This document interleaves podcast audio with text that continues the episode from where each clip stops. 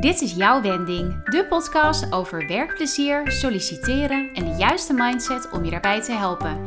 Ik ben Wendy van Wijngaarden en als loopbaancoach geniet je zoveel meer dan gewoon een baan.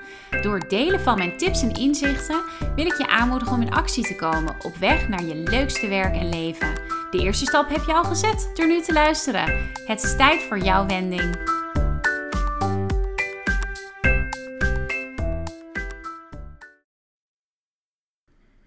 Leuk dat je luistert naar aflevering 31 van de Jouw Wending podcast.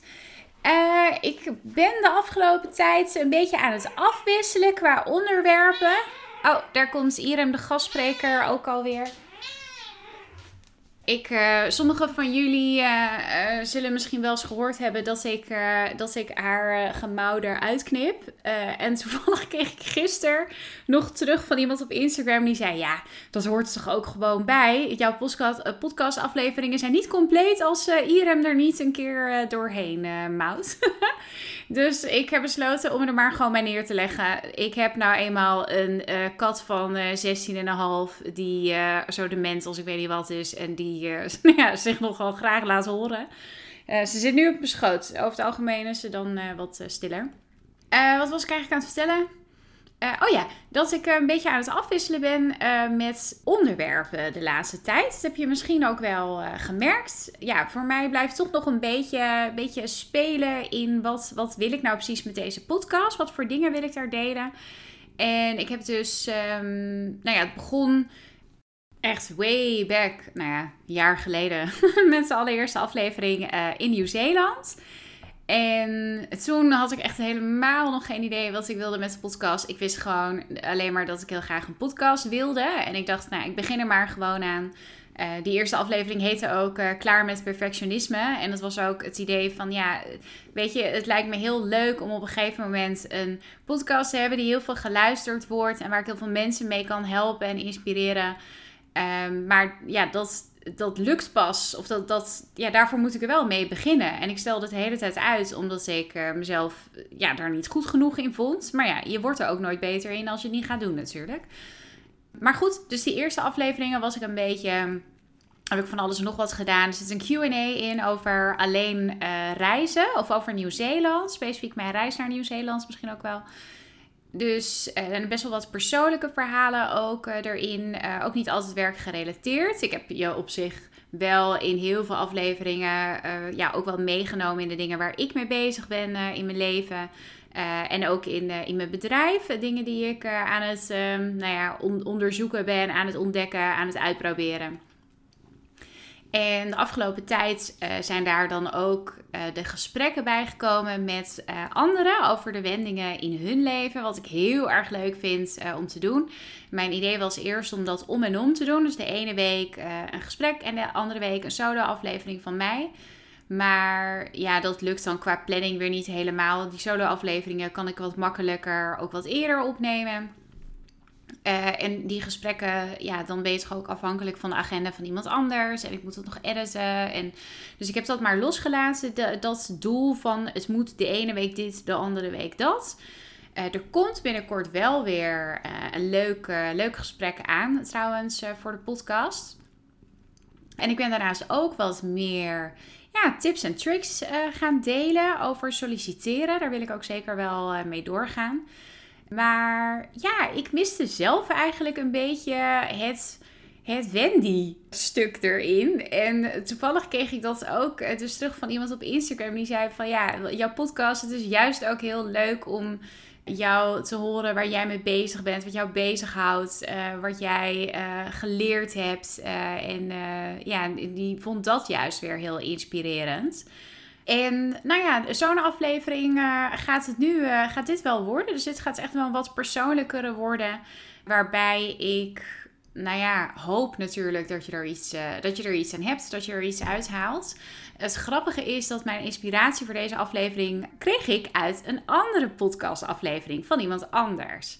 Namelijk uh, van Digna Brand. Uh, Digna is op dit moment mijn, mijn, ja, mijn business coach. Ze noemt zichzelf niet zo. ze, ja, ze is content creator, copywriter. En ze is ook heel goed in ondernemers daarin uh, te helpen en te adviseren. Je eigen stem te vinden. En ook ondernemers die nog heel erg een drempel hebben in het vertellen van hun verhaal en online zichtbaar zijn. Uh, nou goed, daar heb ik niet heel veel last van.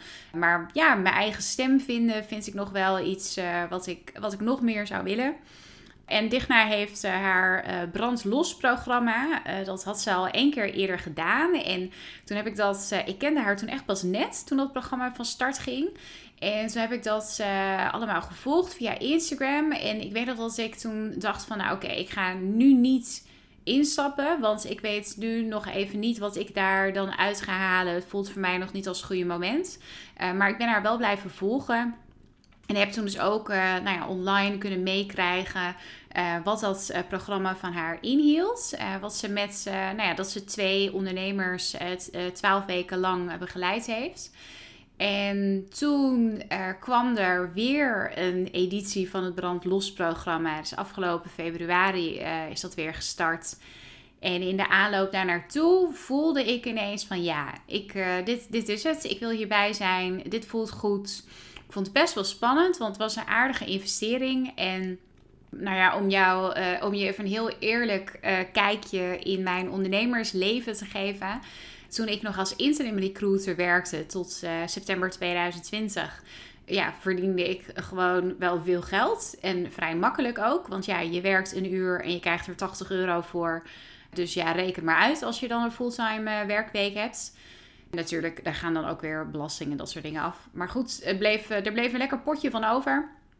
En daar heb ik ook goed van gespaard uh, in die periode. Maar nu als loopbaancoach uh, zit ik zeker nog niet op dat niveau. Dus ik heb wel loopbaantrajecten. Ik heb één op één doe ik sollicitatieworkshops met mensen. Waarbij we gewoon twee uur lang online aan de slag gaan met hun cv of LinkedIn profiel. Ik heb nog een aantal vacatureteksten geschreven voor, uh, voor een bedrijf. Want dat is iets wat ik als recruiter ook regelmatig deed. En ik merk dat ik het gewoon heel erg leuk vind om ja, de cultuur en de sfeer en het onderscheidende stuk van zo'n werkgever, om dat onder woorden te brengen in een vacaturetekst. Uh, die echt aansprekend is voor uh, kandidaten. Dus daar ben ik de afgelopen tijd ook nog mee bezig geweest. Dus zo heb ik wat, uh, wat verschillende dingetjes lopen. Maar ja, qua inkomsten is het zeker nog niet uh, op het niveau waarop ik zat als uh, freelancer. Dus ja, dan is het best wel spannend om. Um, nou, ik weet niet meer precies wat het kostte. Volgens mij 3.500 euro. het programma van, van Digna. Dus dat, ik vond dat wel even, even een ding. Maar ja, ik weet niet hoe dat uh, voor jou werkt, maar op een gegeven moment, bij, mij is het zo dat als ik er echt uh, achter sta en ik geloof van dit is voor nu de juiste, de juiste stap, dan is dat geld, ja natuurlijk blijft het een ding wat je moet uitgeven, maar ja, ik ben niet iemand die twijfelt over is, het dit, uh, is dit wel dat geld waard? Dus uh, ga ik hier wel uh, die 3500 euro uithalen, op wat voor manier dan ook. Dus ofwel dat ik het terugverdien sneller, omdat ik door haar aanpak meer klanten aantrek. Of dat ik ervan leer, of gewoon meer plezier heb in, in het hele ondernemen. Weet je, die, wat je ervoor terugkrijgt, dat verschilt natuurlijk heel erg. Maar ik ben niet iemand die uh, die daar dan uh, naar kijkt van oké, wat, wat gaat het me opleveren en is het het dan wel waard? Het, uh, op het moment dat ik koos voor haar als persoon, wist ik, ja, dan maakt het geld voor mij gewoon niet zoveel meer uit. dus dat is even een kijkje in mijn, in mijn hoofd en in mijn portemonnee. En ik geloof ook persoonlijk dat als je, als je er echt achter staat, en ik ik heb ook voor mezelf de overtuiging dat uh, elke investering die ik doe in een coach of in een opleiding of een online training of wat dan ook. Uh, ja, ik haal daar altijd iets uit. Het is altijd de moeite waard. Ik zorg er gewoon voor dat het uh, de moeite en het geld waard wordt. En dat heb ik in dit geval ook met het programma van Digna. En ja, we zijn nu een aantal weken onderweg. Volgens mij is dit nu het einde van de derde week waarin we zitten. En er zit ook nog een andere ondernemer bij, Maaike. En het is heel erg leuk. We hebben heel veel, met z'n drieën, heel veel raakvlakken in onze interesses. En de dingen waar wij nou, echt, echt warm voor lopen in het leven. Uh, dus wat dat betreft is er al een hele leuke klik. En nou ja, het is gewoon heel fijn om ideeën tegen iemand aan te kunnen houden. Of tegen twee uh, mensen in dit geval. Ja, en Digna is ook wel iemand. Um, ja, ze zegt zelf ook altijd: ik ga er met gestrekt been in. En uh, nou ja, dat, dat is ook wel. Dat hoor je ook als je haar podcast wel eens luistert. de Brandlos podcast hoor je dat ook.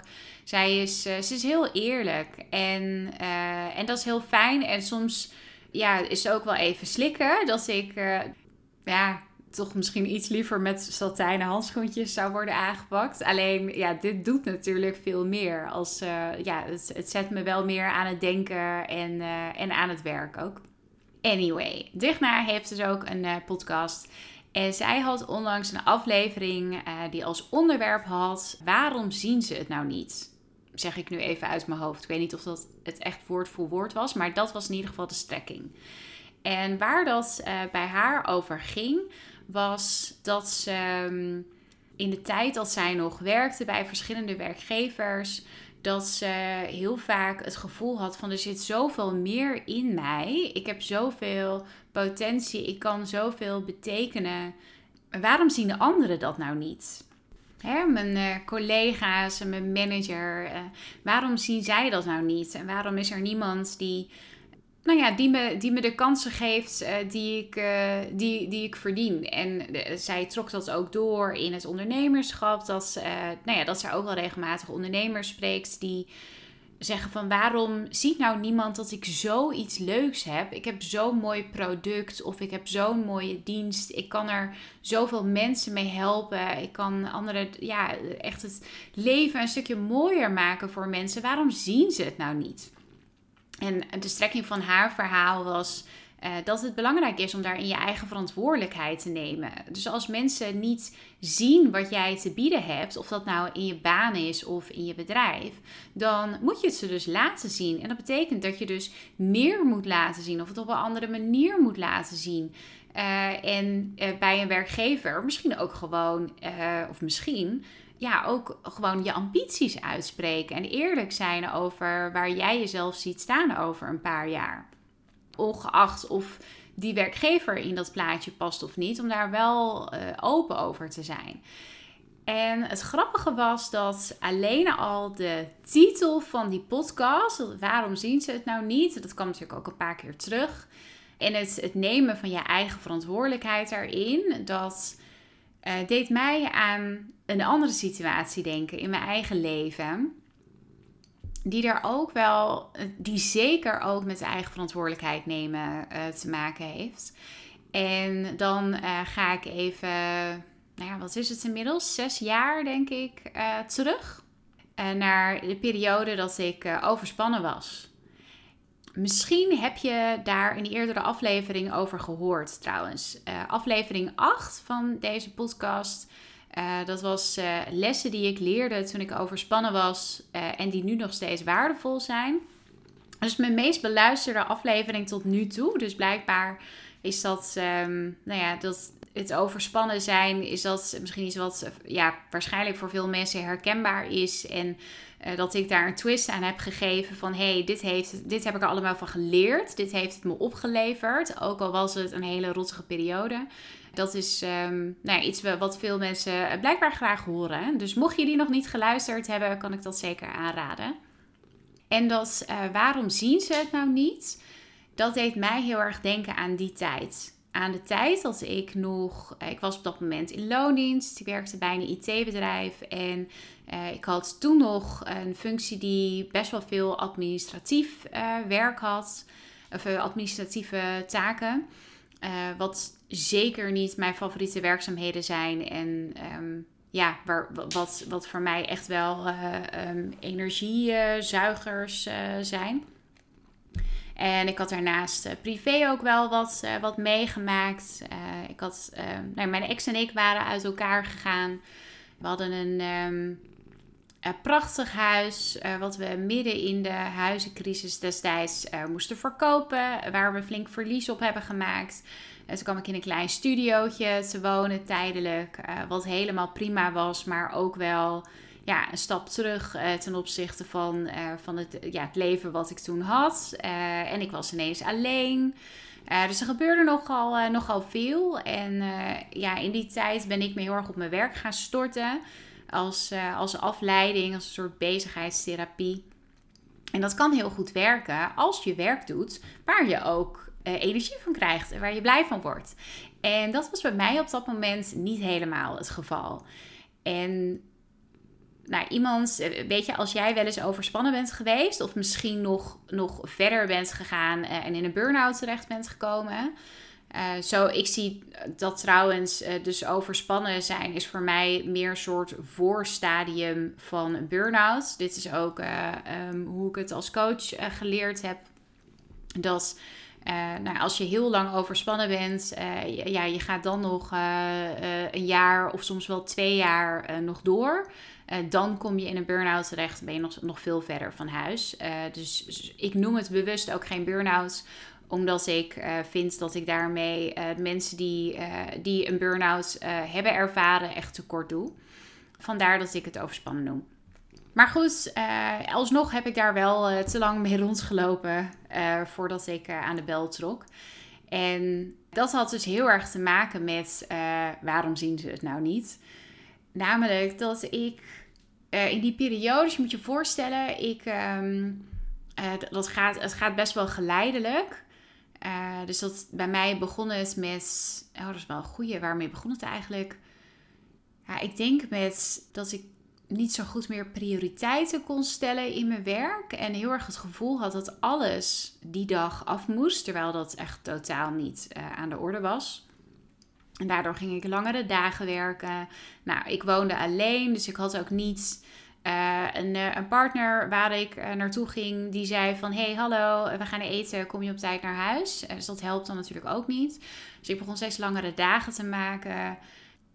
Ja, en ik weet niet precies in welke volgorde het gegaan is. Maar uiteindelijk was ik op een punt, op het dieptepunt Waarbij ik heel slecht sliep. Ik schrok de hele tijd s'nachts wakker omdat ik het gevoel had dat ik iets vergeten was. Ik had echt constant hoofdpijn. Dus ik werd er s ochtends mee wakker. Ik ging er s'nachts mee naar bed. En als ik s'nachts wakker lag, had ik ook hoofdpijn. Ik kreeg op een gegeven moment ook echt pijn in mijn schouders, in mijn armen, in mijn nek. Uh, zo'n uh, verhoogde hartslag. Dat je echt zo'n heel uh, onrustig gevoel hebt constant in je lijf. en ook in mijn werk was het, ik vergat heel veel. ik, en het gekke was, ik vergat ook dingen die ik wel had gedaan. Dus dan dacht ik van, oh nee, ik ben vergeten die mail te sturen naar die collega over iets. Uh, en dan stuurde ik een mail naar die collega en ik kreeg vervolgens een mail terug van die collega. hey, dankjewel, maar dit heb je gisteren ook al naar me gemaild. En dat kon ik me dan gewoon niet meer herinneren. Dat is, het is zo onwerkelijk. Dat is trouwens de enige waar ik uh, nog steeds wel eens last van heb. Uh, die vergeetachtigheid, maar dan met name vergeetachtig in de zin van dat ik vergeet dat ik dingen al gedaan heb. Uh, waardoor ik dus moet gaan checken van heb ik dit nou al gedaan? En dan blijk ik het inderdaad al gedaan te hebben en kan ik het me gewoon niet herinneren. Dat is iets heel raars wat ik dus heb overgehouden aan die, aan die tijd. Maar nou ja, los daarvan was ik. Um, ik kon echt niks meer hebben van niemand. Ik was heel erg geïrriteerd. Ik um, ja, viel ook echt uit tegen collega's. Wat nou ja, iedereen die wel eens met mij gewerkt heeft, uh, weet dat dat echt niks voor mij is. Je krijgt mij echt niet snel boos. Maar in die periode, ja, ik kon het gewoon niet meer inhouden. En ik, ik huilde ook vaak, elke dag wel. Ik herinner me nog een moment dat ik bij de printer kwam. En dat iemand het printpapier niet had bijgevuld. En ik had haast, want ik moest naar een afspraak of zo. En ik moest iets uitprinten. En toen was er geen printpapier. En dan moest ik naar de kelder om papier te halen. En dat ik gewoon in tranen uitbarst dat ik zo boos was dat niemand begreep dat als je het papier opmaakt in de printer, dat je dat gewoon even bijvult. Dus ik kon het allemaal totaal niet meer relativeren. Ja, een belangrijk kenmerk van overspannen zijn uh, of burn-out is ook dat je mm, ja, een beetje moedeloos wordt en wat uh, passief-agressief in je communicatie en je manier van denken. En dat had ik in die periode ook heel erg. Dat ik echt bij alle communicatie, alle besluiten die er werd genomen, dat ik dacht: oh, tuurlijk, jullie begrijpen er helemaal niks van. Ja, totaal onredelijk hoor. Maar op dat moment was dat echt, uh, echt hoe ik het zag. En nou ja, je kunt je voorstellen dat. Uh, ja, ik zat, ik zat gewoon echt heel erg slecht in mijn vel op dat moment. En een gedachte. Nu komen we eindelijk bij het bruggetje naar de podcast van Digna.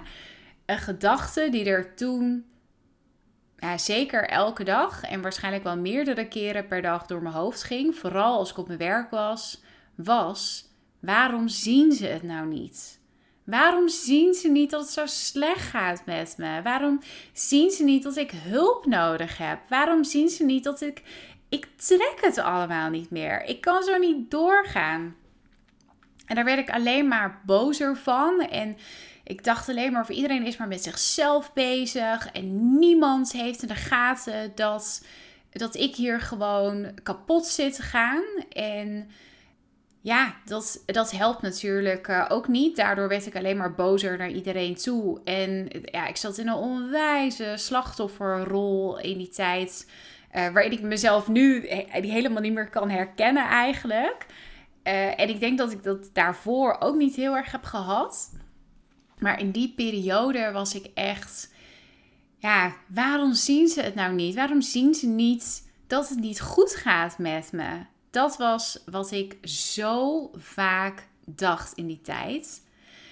En ik heb al wel eens eerder uh, bij een vorige werkgever gehad dat het ook niet zo goed ging. Achteraf gezien had dat ook met diezelfde administratieve werkzaamheden te maken. En nou ja, dat ik in mijn werk gewoon niet echt de dingen deed waar ik energie van uh, kreeg.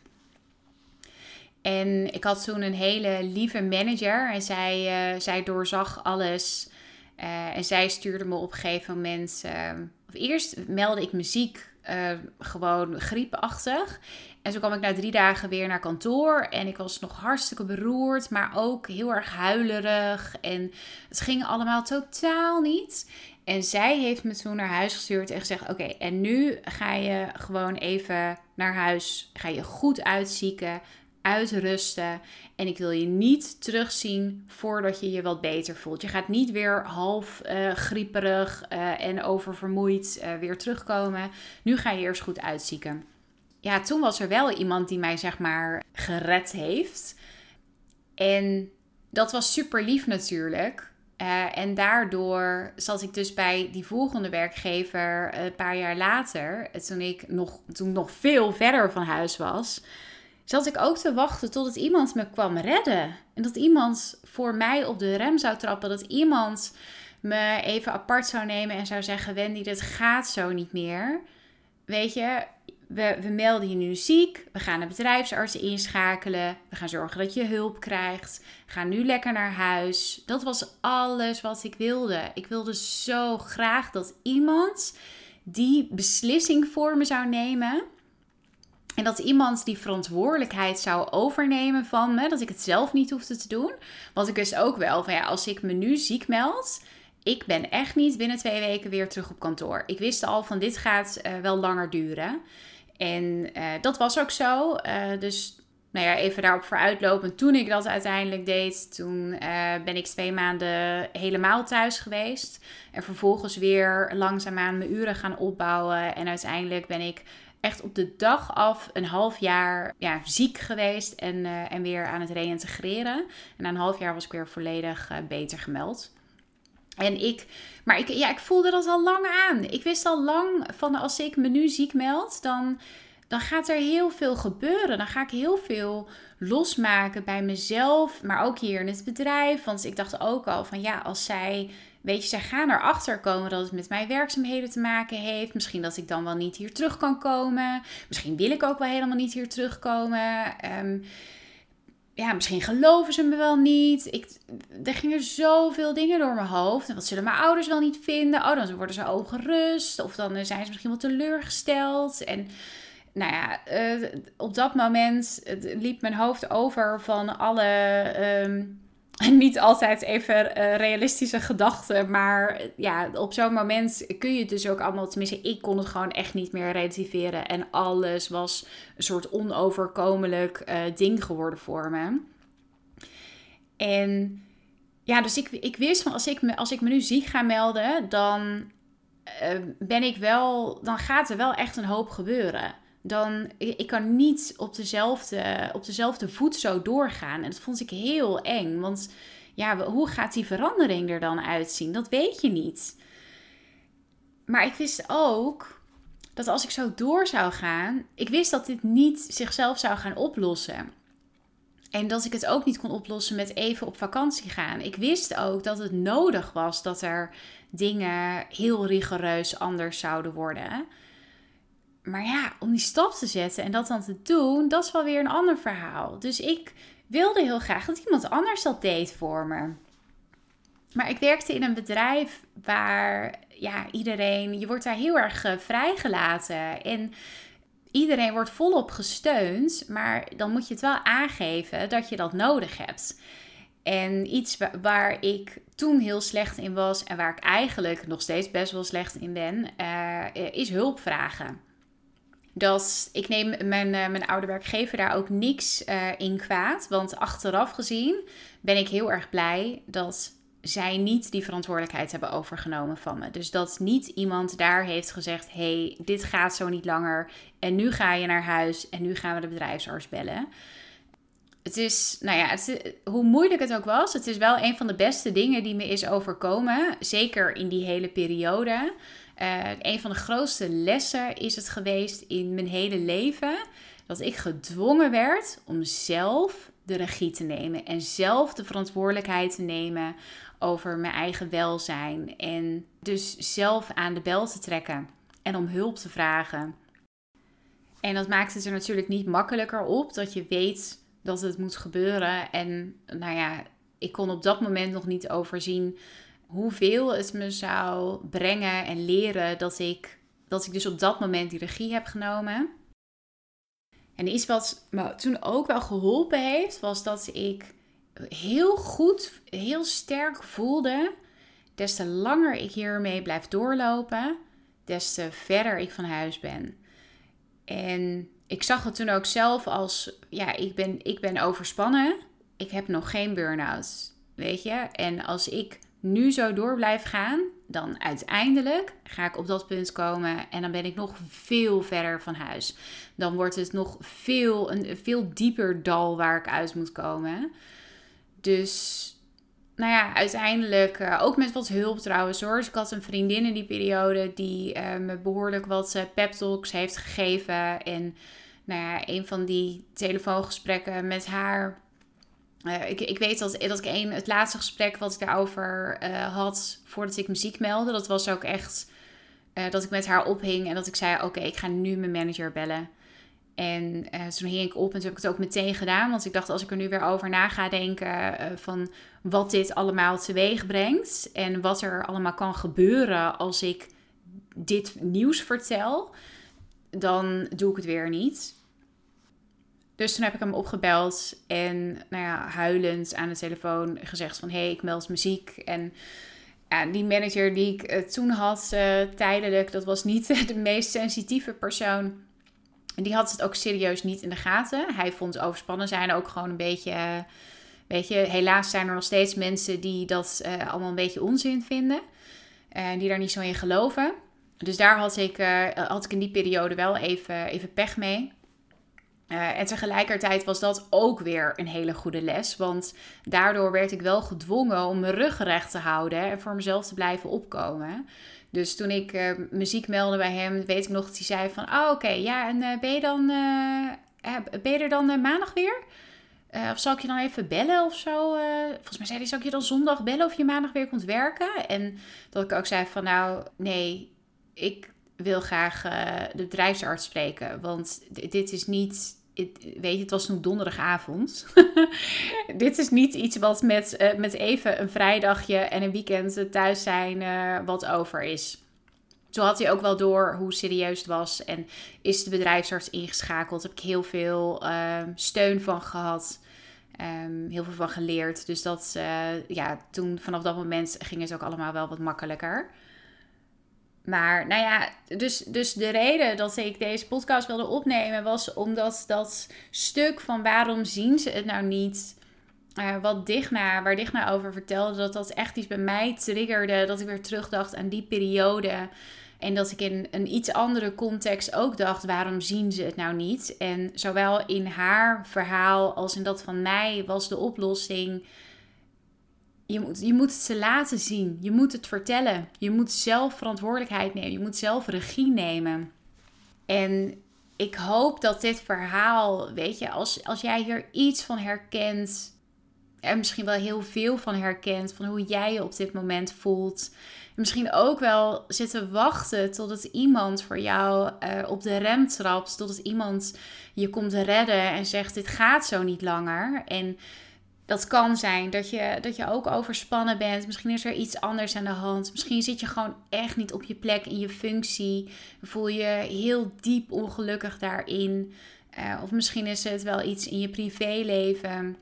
Dan wil ik je alleen maar op het hart drukken wacht alsjeblieft niet tot iemand anders dat komt oplossen voor je. Totdat iemand anders je komt, je komt redden en die verantwoordelijkheid overneemt van je. Maar pak hem zelf. Pak zelf die regie. En geloof me, hoe moeilijk het ook is, als je ervaart dat je dat kunt en dat je daar bovenop kunt komen. En ik heb er alle vertrouwen in dat je dat kunt, want we zijn met z'n allen zoveel sterker dan we af en toe denken.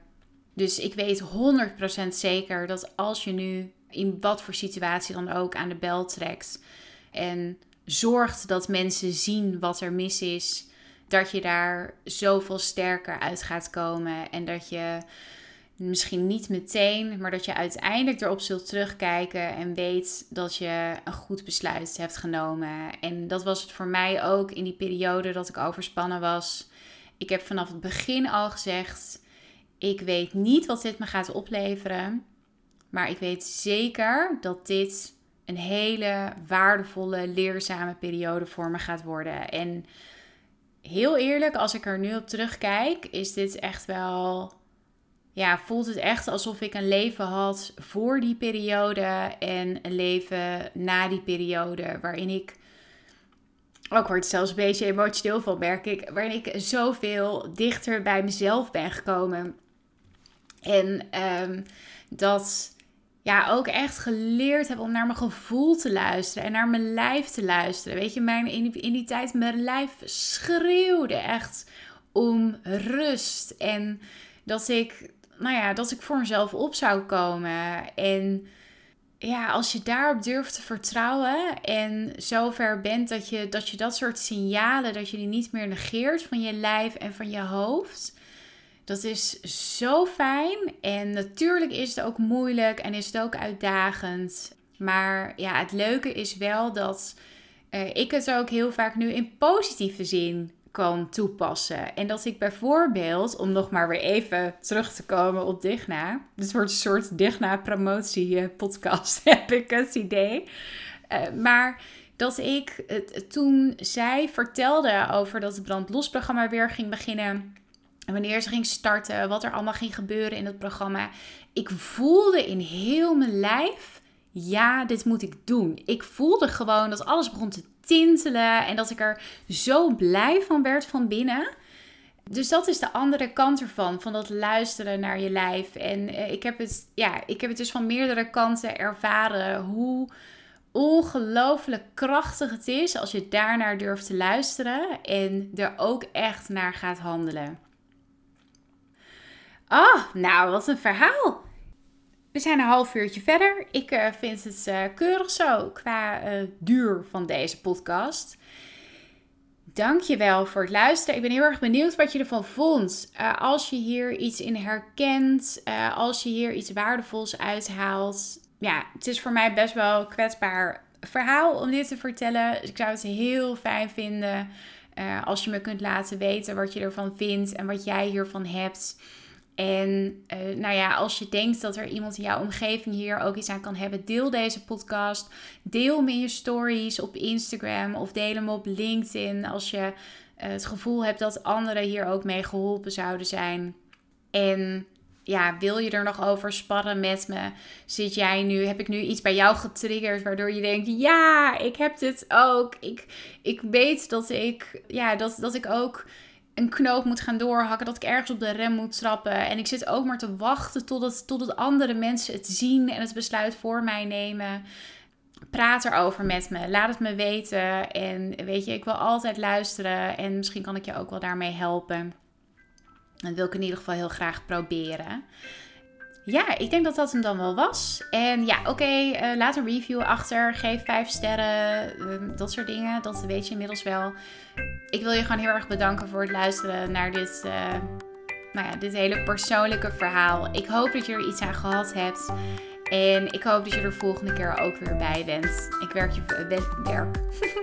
ik wens je voor nu een hele fijne dag of avond wanneer je dit ook luistert. En hopelijk tot snel.